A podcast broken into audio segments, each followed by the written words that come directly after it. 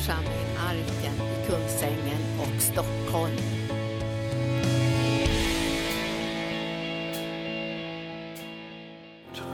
Ja, vi tackar dig Herre för den gåva som har framburits nu och vi tackar för den delaktighet som vi, våra syskon har visat varandra genom att bära den här bördan tillsammans. Jag prisar dig Herre för det och vi ser fram emot att få prisa dig när vi når hela summan och kommer i, i, i mål. Ja, vi, vi ser fram emot en glädje som du ska bereda församlingen. I Jesu namn. Amen. Tack lovsångare. Eh, eh vi ska ha en liten stund av predikan också och eh, det här blir eh, någonting som kommer att handla lite grann om församlingen. Jag, jag har ju församlingen på mitt hjärta. Eh, nu såg jag där att eh, Torbjörn hade en hel hög med böcker. Jag tänkte han skulle komma till den här boken, men det gjorde han inte. Eh, men, men eh, jag kom till den själv.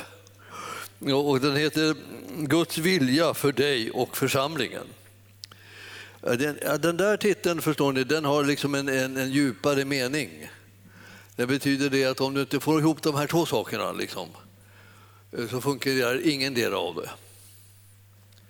Om du inte får ihop liksom eh, Guds vilja eh, för dig själv och Guds vilja för församlingen, om inte båda de sakerna möts i dig så kommer du att få problem både med hur det är med ditt liv och eh, hur det är med ditt liv i församlingen och och tillsammans med församlingen.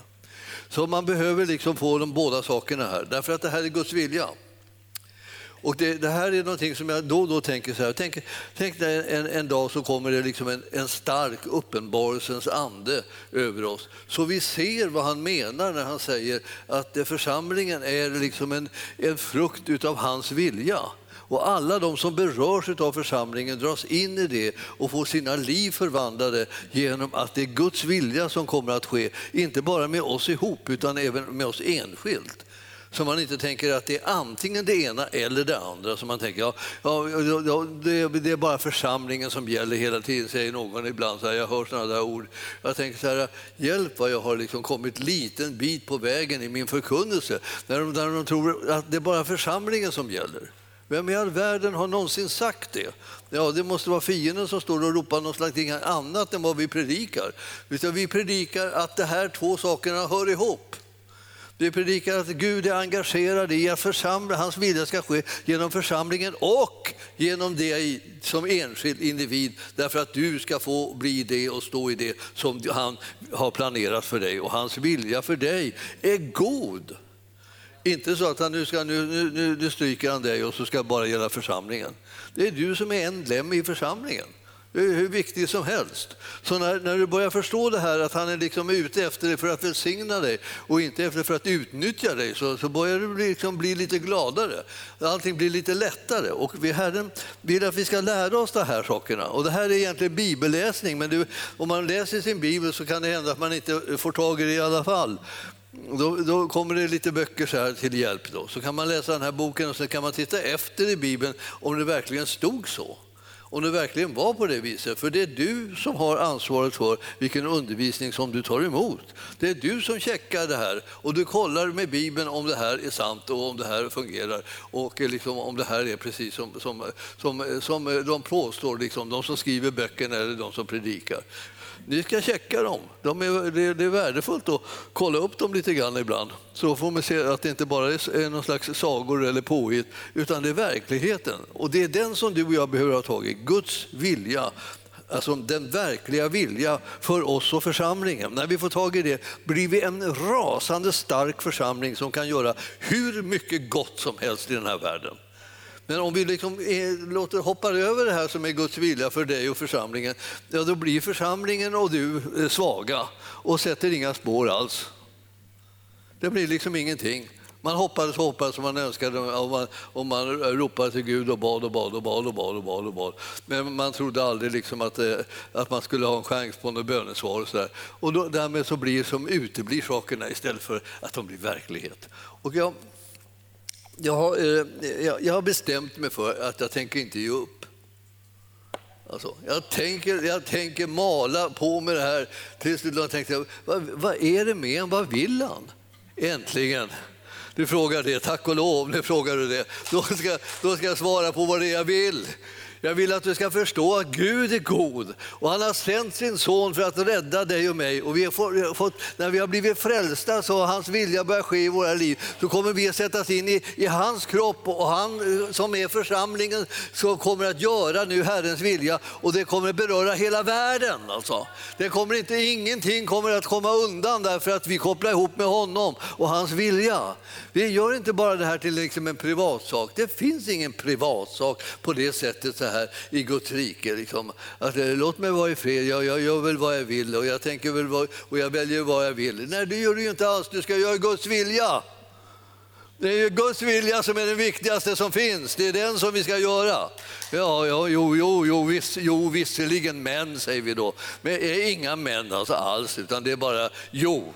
Så är det. Ja. Guds vilja är det som vi ska göra. Vi ska tjäna Jesus, vi ska tjäna Gud, vi ska göra hans vilja och vi ska göra det tillsammans. Och med vem som helst som han sätter ihop oss med. För vi ska inte hålla på och sitta där och gallra, inte den och inte den. Nej, inte den kan jag inte jobba med, den kan jag inte vara med, den kan jag inte sitta i närheten av, den kan jag inte gå i samma möte som, inte den och inte den. Så sitter vi och gallrar så här, så till slut blir det bara liksom något lite glest, eh, eh, spöklikt eh, nät som ligger utspritt som knappt håller för någonting.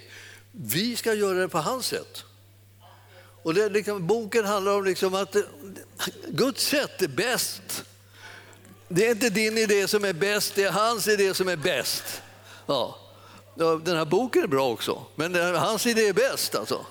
Nu håller jag på och vifta med den här som om det var det, var det som var skriften, men det är det ju inte. Det, det, vi går ju till, vi går ju till hans, den boken som verkligen talar sanning till oss. Den som uppenbarar det här. Den som talar om för oss att vi behöver komma till insikt om att Guds vilja är det bästa som finns för oss människor. Vi är skapta för att leva i hans vilja. Och när vi kommer in i hans vilja då kommer det bli så att då förverkligas det som Gud haft som plan för ditt och mitt enskilda enskilda liv också. Vi är, liksom, det är en härlighet och en trygghet och en glädje och en utmaning och, och, så här, och en hälsosam upplevelse att få vara i någonting som, vi, som egentligen känns som att nu har jag kommit rätt. Alltså, nu, har jag, nu är jag på plats. Det är, där jag, det är där jag ska vara. Och du upptäcker att det är det här som Gud har velat locka in i dig i hela tiden. Han har lockat dig, han har talat till dig, han har lirkat med dig, han har hållit på. Och, och, och du sitter ja, och du sitter ja, ja. Krångla inte ut, jag bara böj dig för Gud. Liksom, ge med sig. Det är liksom, han, är bäst, han är bäst på det här. Det är han som vet hur vi ska leva våra liv. Och därför när, när jag skulle ge den här lilla boken ett litet namn så tänkte jag så här, ja det här är liksom, det handlar ju om, om, om, människor och vad de vill och hur de lever i församlingen. Så. Men, men just det här, det handlar ju, det handlar ju framförallt om Guds vilja. Alltså. Så jag måste liksom få till det där liksom, ordentligt så starkt, att Guds vilja är det handlar alltså, om Du och jag som har blivit så älskade av Gud, vi borde ju inte vara intresserade av Guds vilja. Det är vi också. Och det betyder det att om vi är intresserade av Guds vilja så vill jag främja den, alltid först och främst. Och eh, han vill att vi ska, vi ska komma tillsammans liksom, för att det, det ökar chansen att kroppen kommer i funktion. När de olika lemmarna kommer ihop. Så därför så kallar han på oss hela tiden. Han kallar, han kallar, han kallar. Och, så här, och söndagar och onsdagar och, och, och tisdagar och torsdagar, åtminstone under gynnsamma förhållanden. Och eh, så, och så kommer det extra dagar så här, liksom, eh, där det kommer talare, konferenser och seminarier och, och sådana saker. Och så kommer det kallelse att komma samman. Och jag tänker på det så här, ja, eh, det, blir, det blir, blir, inte mer jobb när det kommer så mycket eh, mera sådana här eh, möten och möten, möten. Jo, det blir det. För alla parter. Även för de som hittar på det så att säga. Om du tänker att jag hittar på det, jag hittar på, eller Linda hittar på det, eller, eller någon sån här, någon, det är någon som är skyldig, det är någon som hittar på de här mötena hela tiden. Och, men det här är tänkt som att om du börjar tänka på vad de är för någonting så är det möten med Gud ökade möten med Gud genom flera kanaler som på olika sätt ska kunna nå olika människor, olika bra, olika mycket. Och så här, många blev liksom väldigt glada och uppmuntrade när de lyssnade på de här predikanterna i den, som här i helgen, då, då, fredag, lördag. Här. De var liksom glada. De fick, de fick evangeliet liksom från, liksom på ett annat, från en annan liten vinkel så här, och då gick det in och då, och då blev de glada. Eh, eh, vad, vad är det värt? Det är värt allt. Det är värt allt. Kan inte hoppa över sådana möten bara liksom för att det är någon som inte blev särskilt glad eller satt och tänkte på något problem som den hade och så liksom orkar inte lyssna. Eller någonting sådär. Ja, men det tar vi inte hänsyn till. Vi, vi satsar på att vi ska nå ännu fler med evangelium och det glada budskapet om Jesus Kristus. Och det har en massa olika kanaler. Och Gud har gett oss de här kanalerna för att de, vi behöver dem. Vi behöver möta dem. Och när ska vi möta dem? Vi ska möta dem när vi samlas. När vi samlas så kan de här tjänsterna komma till sin rätt. De kommer inte till sin rätt när de, liksom bara, att det är bara liksom, de ska träffa en person eller sådär. De är, de, är, de är säkert inte några större liksom, på det viset själavårdare som sitter, kan sitta och lyssna på dig länge och, liksom, och, och höra och förstå alltihopa. Så Nej, det är inte deras styrka. De har en annan typ av tjänst. När de ska komma till sin rätt så ska de ha en chans att kunna tala till många människor på en gång.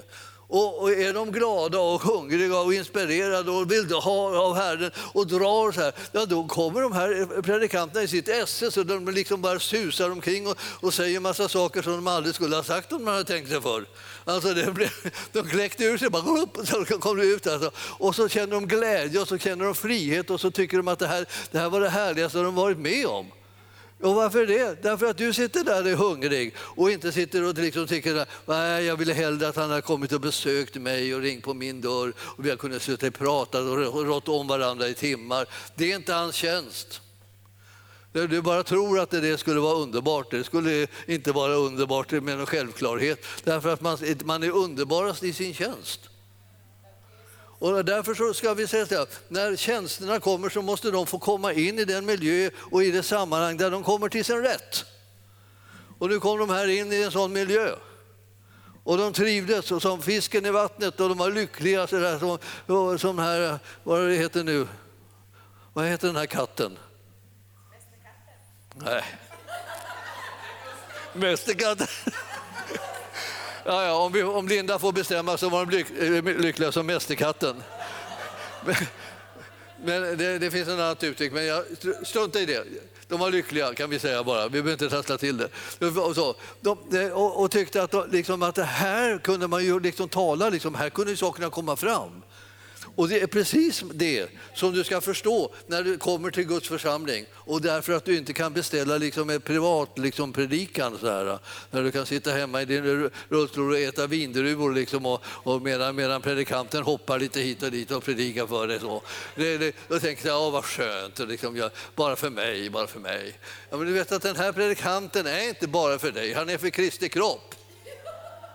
Så det, går, det, är inte till för att liksom vara någon slags home service så där, liksom, där man bär hem varan till dig och så, så fixar man det. Utan det är tänkt som att om inte vi kommer samman som kropp och liksom eh, sitter här och hungrar och längtar efter det här budskapet, då kommer inte den här eh, tjänsten till sin rätt. Men om vi kommer som kropp allihopa och hungrar, då börjar den här tjänsten blomstra och tycker att det här var ju underbart härligt. Vilket ställe det här var på. Varför har jag inte varit här förut? Eller varför har jag inte varit här fler gånger? Och så där. Och de tror liksom att ja, så, här är det, så här är det jämt. Men det är bara så när vi bestämmer oss för att vi ska möta Gud. Våra hjärtan brinner, vår längtar efter att möta Gud. Det är då det blir så här. Och då är det då som tjänstegåvan kommer till sin rätt och kan börja betjäna på ett sätt som, det, som den kanske inte har gjort förut. Den känner liksom det här är häpnadsväckande hur, hur lätt det var, vilken smörjelse det var, hur, hur det bara kom allting på det här. Ja, det berodde på att det fanns några som hungrade efter Gud och längtade efter Gud. Och de gjorde det och de drog i det här och då kom hela tjänsten fram och eh, tjänstegåvan blev överlycklig och eh, eh, församlingen blev överlycklig och alla blev lyckliga. Liksom. Det är väl inget fel på det? Nej. Då, då, då, kan man säga att det här varför vi liksom blir lyckliga allihopa så här på en gång, det är därför att vi gör det här på det bibliska sättet. Det här är så som Gud har tänkt det, att det ska vara. Så här vill han att det ska göras. Han vill inte att det ska vara några privatgrejer. Han vill att det ska vara Kristi kropp. Han vill att det ska vara folk som, när de har kommit till tro sen låter sig informas och insättas i kroppen för att tillsammans med kroppen göra Herrens vilja. Det är det han vill, det är det han har planerat. Och det blir en känsla av lycka och tillfredsställelse hos alla inblandade parter. Och Herren sitter lycklig i himlen också och tänker så här, det här, det här gick vägen. Va? Va? Vilken, vilken, vilken, ja, jag säger inte tur, men jag menar nästan det. Vilken tur att de var på humör liksom församlingen och ville, liksom, ville komma närmare mig då, och inte bara satt där liksom så här, ja det här borde ju egentligen jag ha ett privat samtal, över. jag måste ha ett privat samtal med honom. Så, det är liksom, så tänker man så här, så rusar man på den som inte känner till egentligen någonting om det som vi håller på med just här egentligen, utan känner till Gud. Och så, så vill man ha privat samtal och rådgivning hur man ska leva sitt liv. Det är fel person att fråga. De är inte här för att ha privata samtal, de är här för att förhärliga Herren och tjäna med den gåva som de har fått förstås. Och när de får göra det blir de lyckliga och när du låter dem göra det så blir du lycklig också. Så jag menar det här, själavård, ja det har vi massor här. Det behöver, behöver vi inte importera någon för att komma och ge själavård. Och vi gör aldrig det heller. Så om du undrar varför vi kallar dem så är det inte för att du ska få själavård utan för att du ska få höra den här tjänsten och bli välsignad av den, för den är så härlig och så stark när man låter den vara det den ska vara i den miljö som den ska vara. Alltså. Så att vi, vi, vi är en församling som kan locka fram liksom, det absolut bästa ur olika tjänster när vi kommer samman mangrant och hungrar efter Gud. Då kan det ske. Alla predikanter vet det där. Då har man den riktiga lyckan att, liksom komma in och ställa sig i en församling. Och de längtar efter att lära känna Gud och de vill bara ha mera. Och då plötsligt känner man liksom att så här, hoop, man känner så här, jag kan blomstra upp, jag kan, jag kan bli något härligt och jag, jag blir på gott humör. Och jag kan liksom, det, det, kan flöda hit och flöda dit liksom, och det kan hända alla möjliga olika saker. Man tänker, vilken lycka det är att få vara predikant. Och, så, och den där stunden också så kommer det hända att församlingens medlemmar tänker, vilken lycka det är att få vara i den här församlingen. Ja, för nu, nu möts härligheten liksom och glädjen blir stor. Alltså. Och ni förstår att det här, är liksom, det här är Guds idé med församlingen. Alltså man måste tänka sig att det, det, Gud har tänkt jättebra om församlingen. Det är inte så att han har tänkt ut massa krångligheter och massa hinder. Så här. Det är inte liksom en hinderbana liksom, som vi håller på med. Så här. Alla, alla ska ut på den här hinderbanan. Det är bara krångel hela vägen. Liksom. Massa hinder. Och, och inte minst ligger man där och, och är hinder för varann. Och, och, det ligger högar av folk som man måste försöka ta sig förbi. Och man tänker så här, kan inte det här, är det här verkligen, ska det vara på det här viset? Jag skulle önska att jag fick vara själv och sitta hemma, hemma själv och, liksom och, och fördjupa mig i någonting. Liksom då. Det skulle ge mycket givande då. Men det är själva verket så att Gud har tänkt att du ska komma till församlingen och så ska du vara hungrig och törsta efter ett möte med Gud. Och så när du, när, när du gör det, då kommer de där gåvorna, tjänsterna som kommer till församlingen kunna liksom blomstra upp ordentligt och ge dig den föda som du behöver. Och jag, jag, jag, så, jag längtar efter liksom att det ska få vara så att eh, församlingen låter tjänstegåvan vara det den är. Och tjänstegåvan låter församlingen bli det den ska bli. Nämligen en enad kropp som sitter ihop och samarbetar och gör Guds vilja i den här världen. Det är då vi kommer att breda ut Guds rike och det är då det kommer att bli verklig skillnad att en församling finns någonstans. Om, om församlingar inte märks eller inte syns, så här, det, är något allvarligt fel. Och det är precis, vi brukar prata ibland om Frälsningsarmén. De hade liksom nästan som ett, liksom ett kännetecken på att liksom, blir de inte förföljda så de, måste de ha syndat på något sätt. Alltså, Eh, så att de, de, den, här, den här Hanna Octoloni som var ledare här för Frälsningsarmén i Sverige, när hon var liksom på besök i London skulle bli, få lite, lite rerun, där, lite uppiggning och, i sin tjänst. Då. Och så eh, skrev hon ett brev, liksom, hur läget är där till, hem till Stockholm. Då. Ja, då, då skrev de så här, åh det är så skönt, ingen har kastat någonting på oss på hela veckan och, och, här, och ingen har svurit och, eh, och ingen har liksom hållit på och, liksom, och, och sagt elaka ord till oss. Och då skrev skrev hon tillbaka, gör bättring. Liksom, det, vad är det med er? Liksom? Har, har ni, för ni inte ut budskapet som ni ska? Får ni inget till någon konfrontation mellan ljus och mörker? Ni måste ju fullkomligt ha, ha tappat tron, liksom, sa hon då. Ja, tyckte hon att det var tecken liksom på att de levde, att de fick till en konfrontation mellan ljus och mörker. Ja, på sätt och vis är det ju så. Det blir en krock Men det är inte den som är farlig. Det, det farliga är mera att man dör ut av brist på krock. Allting bara blir lugnare och lugnare. Till slut så verkar man ha insomnat. Det är det som är liksom riskabla. riskabla. Och, och, och konfrontation är inte farligt när den är eh, värd liksom saken. Jag menar, när vi står för Jesus, när vi, när vi inte håller tillbaka evangelium eller liksom är, är rädda för liksom vad världen ska tycka. Det är klart att världen inte tycker om evangelium, men det är bara en fråga om tid. För snart kommer de att göra det, när, när vi allihopa liksom ger, delar med oss av evangeliet överallt där vi går. Så kommer de plötsligt känna så här, vart man vänder sig så är det människor som talar om Jesus. Alltså, vad, hur i all världen ska man komma undan? Och det, om det, den här... Ja, nu kan jag tappa bort hans namn, men han, Eh, en av de här stora liksom, eh, predikanterna på 1400-talet. Alltså, var, var, eh, Whitcliffe hette han. Eh, han. Han var ju sån, sån att han tyckte att, att det, det, här, det, här, det här måste man ut med och läsa nu. Översätta Bibeln till engelskan, så läsa det för folket så att de förstod det var deras folkspråk. Det skulle de läsa, så skulle de få höra det istället för alla de här eh, berättelserna, fantasiberättelserna, liksom alla möjliga helgon som hade gjort det ena och det andra. Så fick de först läsa höra bibeltexter. Folk blev rasande. De kastade stenar på dem och jagade dem ut i skogarna och, och liksom för att de, de kände inte igen att det här var Bibeln. För de hade aldrig hört Bibeln, de hade bara hört sådana här berättelser. Sådana här. Och, och ni förstår att den, här, den, här, den här konfrontationen som blir, därför att det plötsligt så kommer någonting in som, som sätter saker och ting på sin spets. Var då liksom hungriga och ivriga liksom, att, liksom, att, att fortsätta att, att, att, tala om Jesus och, och, proklamera hans namn så att det, det uppstår ett, ett uppvaknande. För människor behöver alltid väckas och det, och det börjar med oss. Så att det är vi som behöver vakna och det är vi som behöver hungra och det är vi som behöver törsta, det är vi som behöver längta efter mer av Gud för att hans vilja ska kunna ske bland oss.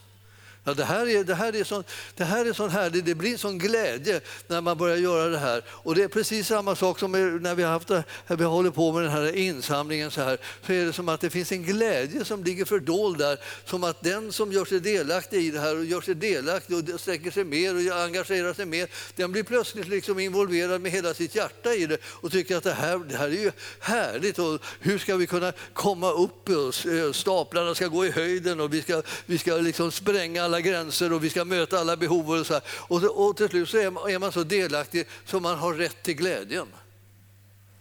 Så när, den, när, den når, när vi når målen, då gläds du. Därför att du var, du, var, du var involverad i det.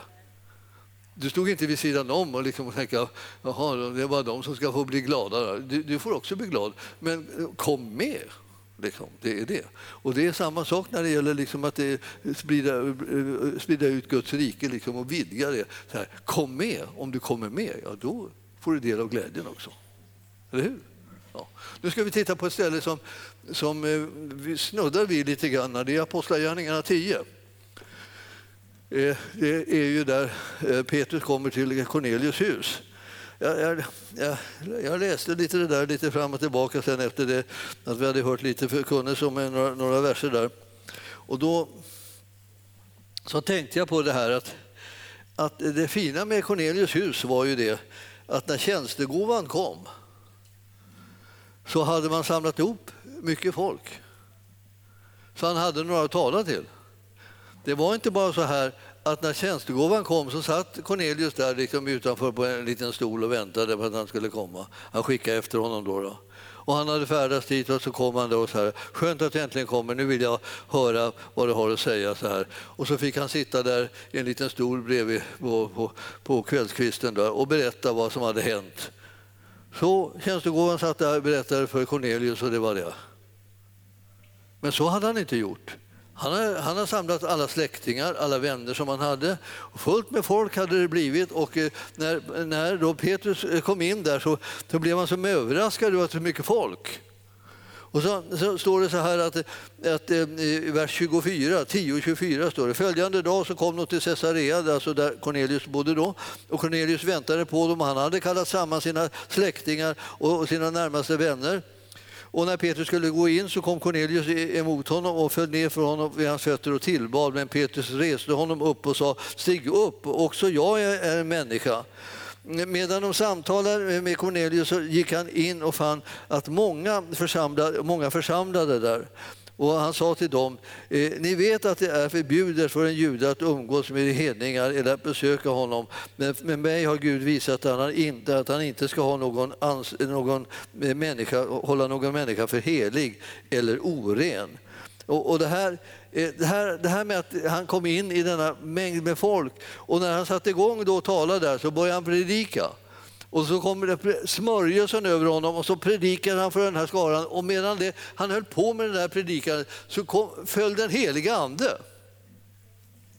Och du vet att eh, det här var liksom, för, för själva predikanten här var det här liksom, liksom chockartat. Den heliga ande skulle inte liksom falla. Han hade kommit in i ett hem med hedningar och, så skulle, och skulle predika bara om vad Jesus vad hade hänt med Jesus, att han hade, att han hade dött och sen för, att han har uppstått och, och, och, och, så där, och sen att han har visat sig för dem och, och hur, hur de hade liksom fått den heliga ande och, och det här. Och de, de berättade för de här hedningarna, gjorde Petrus då, då, för han tyckte de liksom borde få höra det nu när de frågade ändå. Va? Och medan han höll på där så, så föll den heliga ande över dem.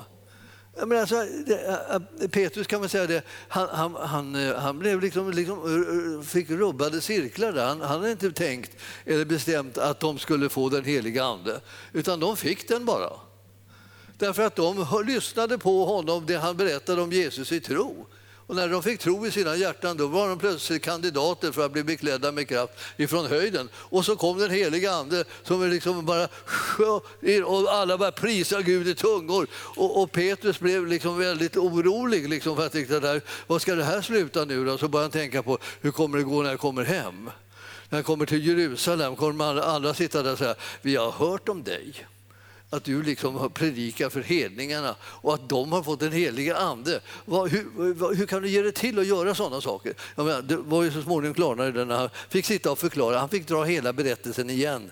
Det är inte många ställen i Bibeln som det är da capo, men här är det fullständigt da capo. Han berättar hela saken från början igen, bara för att liksom visa dem att det var inte jag, det var inte jag, det var inte jag, det var, det var Gud som gjorde det här. Alltså, jag, jag hade inte tänkt det, jag, jag vet ju liksom egentligen att det, eh, att det inte är lämpligt. Men det, jag fick ju en syn och jag därför tänkte jag skulle gå in i huset ändå och vara med dem. Och så, och så faller den helige ande, men det var inte jag. Men det var, nej. Och det, när den helige ande faller så är det inte du och jag heller. Liksom. Utan det är bara det, som, det är Gud som gör det. När vi har predikat evangelium och när vi har liksom lyft fram vad han har gjort och vad han har skänkt så får människor tro på det och plötsligt öppnar tron bara fullständigt dörrarna och den heliga Ande bara kan komma in och beröra oss alla som är, sitter där och hör i tro. Så ni förstår att det här, vi, vi är som församling, alltså vi, är, vi, är vi viktiga för att vi, vi vågar låta Guds vilja ske bland oss. Vi, när, vi, när vi ska ta undersöka om någonting är sant eller rätt, eller sådär, om det är som det ska, då får vi titta i våra biblar. Vi, vi har vant oss att liksom läsa i Bibeln och titta efter, är det så som de säger? Eh, står det skrivet på det viset? Och det är det där som gör att du och jag kan vara trygga eh, när vi ska söka sanningen. För sanningen är någonting väldigt viktigt för att, att eh, huvudtaget Gud ska liksom nalkas en situation. Han, hans ande kommer och, och eh, dit där det liksom råder en tro på sanningen. Sanningen om Jesu död och uppståndelse. Sanningen om vem han är som, som har blivit sänd ifrån himmelen och att detta är Guds son. Alltså, Herrens ande älskar liksom den här sanningen förkunnas på det viset och han kommer och faller över folket och de blir så välsignade välsignade, för nu sker Guds vilja. Det har inte någonting med att, liksom att det här, ja, eh, var, var det här som vi kom överens om? Ja, eh, förmodligen hann inte komma överens om någonting, utan det, det här, så här blev det bara, därför att du gjorde det du skulle, nämligen att du predikade evangeliet. Och du talade om det som var sanningen och Herrens ande föll. Och eh, då, då tyckte de att det här var jobbigt och man kämpade med det här i, i, i, i Apostlagärningarna. Liksom, hur, hur, ska vi, hur ska vi förhålla oss till det här? Ja, de säger det här att det, det är bara så här, vi ska hänvisa till det som är själva kärnan. Och kärnan är i tionde kapitlet här i Apostlagärningarna eh, från vers 37 att de säger så här, ni känner till alltså, den förkunnelse som gick ut över hela Judeen med början i Galileen och som följde på det dop som Johannes förkunnade. Hur Gud smorde Jesus från Nasaret med den heliga Andes kraft. Han som gick omkring och gjorde gott och botade alla som var i djävulens våld, ty Gud var med honom. Och det här är liksom det som han säger, det här är kort och gott det som vi, har, vi berättar om. Det här är det som vi förkunnar. Det här är han som är den viktigaste av alla att känna till. Och ni har själva bevittnat det här och ni har varit med om det och ni har hört om det. Och nu är det, nu är det full fart på det här för nu är det vårt uppdrag att föra ut den här sanningen till människorna. Och det kan man säga, det är vårt uppdrag att föra ut den här sanningen till människorna. Men vi behöver göra det tillsammans som Kristi kropp och det, det, vi behöver vara ett hem som kan föra dem också tillbaka in någonstans. De kan inte bara liksom eh, gå ut och vi träffar dem och, och så, och så eh, blir de frälsta och sedan så går vi hem. Utan vi måste veta liksom att det finns ett hem som vi kan ta människor också så att de känner trygghet och kan växa och mogna i det andliga livet. Och jag är mm, övertygad om att vi har en, har en hunger och en kapacitet för att se till att också de här människorna som vi får frälsta genom att vittna om Jesus också hittar vägen hem hit in i Guds församling. Ingen församling är sig onödig på det viset, utan det, varje församling är liksom ett försök att liksom bilda så att säga, ett hem. Och det är ett varaktigt försök där liksom det sker i, under den heliga Andes ledning och eh, under Herrens liksom, ledning och kraft. Och då blir det någonting som är bestående. Alltså, det står så här i, från vers 42. Han befallde oss att predika för folket och vittna att han är den som Gud har bestämt till domare över levande och döda. Om honom som vittnar alla profeterna att var och en som tror på honom får syndernas förlåtelse genom hans namn. Det här är liksom hur centralt som helst. Det här är, som det, är så tätt som det kan bli. så att säga. Vad är uppdraget? Ja, uppdraget är inte liksom, eh, att eh, det du vill, utan det är det han vill. Uppdraget är att vittna om vad han har gjort och vad han har sagt. Uppdraget är att säga att det har kommit en frälsare och han har gett sitt liv för oss allihopa. Och du, du, kan få syndernas förlåtelse och du kan bli född på nytt och du kan få ett, ett nytt liv där du kan tjäna honom och följa honom och vara en del av hans kropp. Så att hans vilja kan ske här på jorden. Och det är det som du och jag är kallade till, liksom. inte, and, inte en massa andra saker alltså, utan det är det. Och då när vi har olika funktioner så är det för att stärka den här kroppen så att den kommer i funktion och att den hjälper till att föra ut evangelium i världen. Och jag vill säga till er att ni ska vara målmedvetna och ni ska vara frimodiga när ni för ut evangelium. För världen behöver höra om, om Jesus och de behöver höra det från någon som inte skäms för honom. Det är jättemånga kristna som kanske säger någonting om Jesus men de, samtidigt så skäms de ju nästan så de håller på att eh, tappa andan. Och det är inte något särskilt attraktivt och bra utan det, vi behöver vara så nära Herren och så i kontakt med honom att vi inte kommer på tanken att skämmas för honom när vi ska tala om honom. När vi talar om honom så blir vi glada och stolta och tacksamma därför att vi har en sån frälsare som han.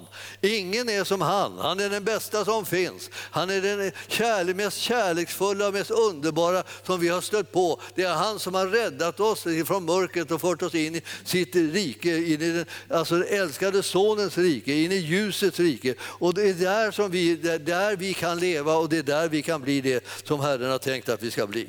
Så när vi kommer till Guds församling så stärks vi i det här medvetandet och sedan så kommer vi att stärkas också i viljan att bli en enda kropp som han kan använda så att hans vilja kan ske. Ni vet, ske din vilja så som i himlen, så och på jorden. En sån här bön som många av oss har bett i decennier och jag säga, sekler. Eller något. I alla fall rasande länge. Och, eh, liksom, och innehållet är vi vill att hans vilja ska ske. Vi ropar till honom att hans vilja ska ske. Och då är det inte så då att det, ja, ja, just det, och bara min vilja får ske först. Nej, nej, nej. Det var, så, det var inte om dig nu, det handlar om honom. Hans vilja ska ske. Det är hans vilja som är den nyttigaste för dig och mig i vårt eget privata liv, liksom i vårt liv tillsammans med varandra i Guds församling. Där ska hans vilja ske och då kommer vår glädje kunna bli fullkomlig. Himmelske Fader, vi ber att du som har sån omsorg om människor, du som har sån kärlek till dem alla, att du ska vara verksam och tala genom din, din, din son nu i den här yttersta tiden så som du har sagt och påminna om det som han har gjort och det som, eh, som han har vunnit seger över så att vi allesammans kan sätta tro till att hans vilja ska bryta igenom överallt där vi går fram och att Guds församling ska kunna hålla samman i en stark enhet som övervinner världen. Och vi proklamerar ditt herravälde och din vilja och vi säger du är välkommen med din vilja, du är välkommen att göra det som, det som ligger på ditt hjärta först och främst. Och vi vill inte stå i vägen utan vi vill vara brukbara kärl som du kan använda för att utbreda ditt rike. I Jesu namn och församlingen sa Halleluja, prisad vare Gud. Tack för att du har lyssnat. Vill du få del av mer information om församlingen Arken, vår helande tjänst, bibelskola och övriga arbete, gå in på www.arken.org.